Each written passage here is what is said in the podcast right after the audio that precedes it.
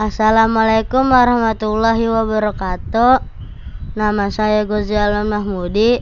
Saya ingin menyampaikan pantun yang berhubungan dengan virus corona.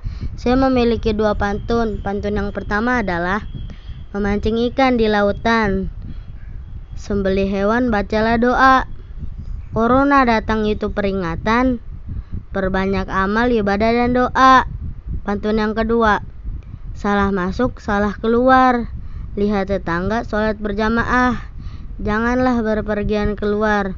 Yang tepat adalah ke dalam rumah.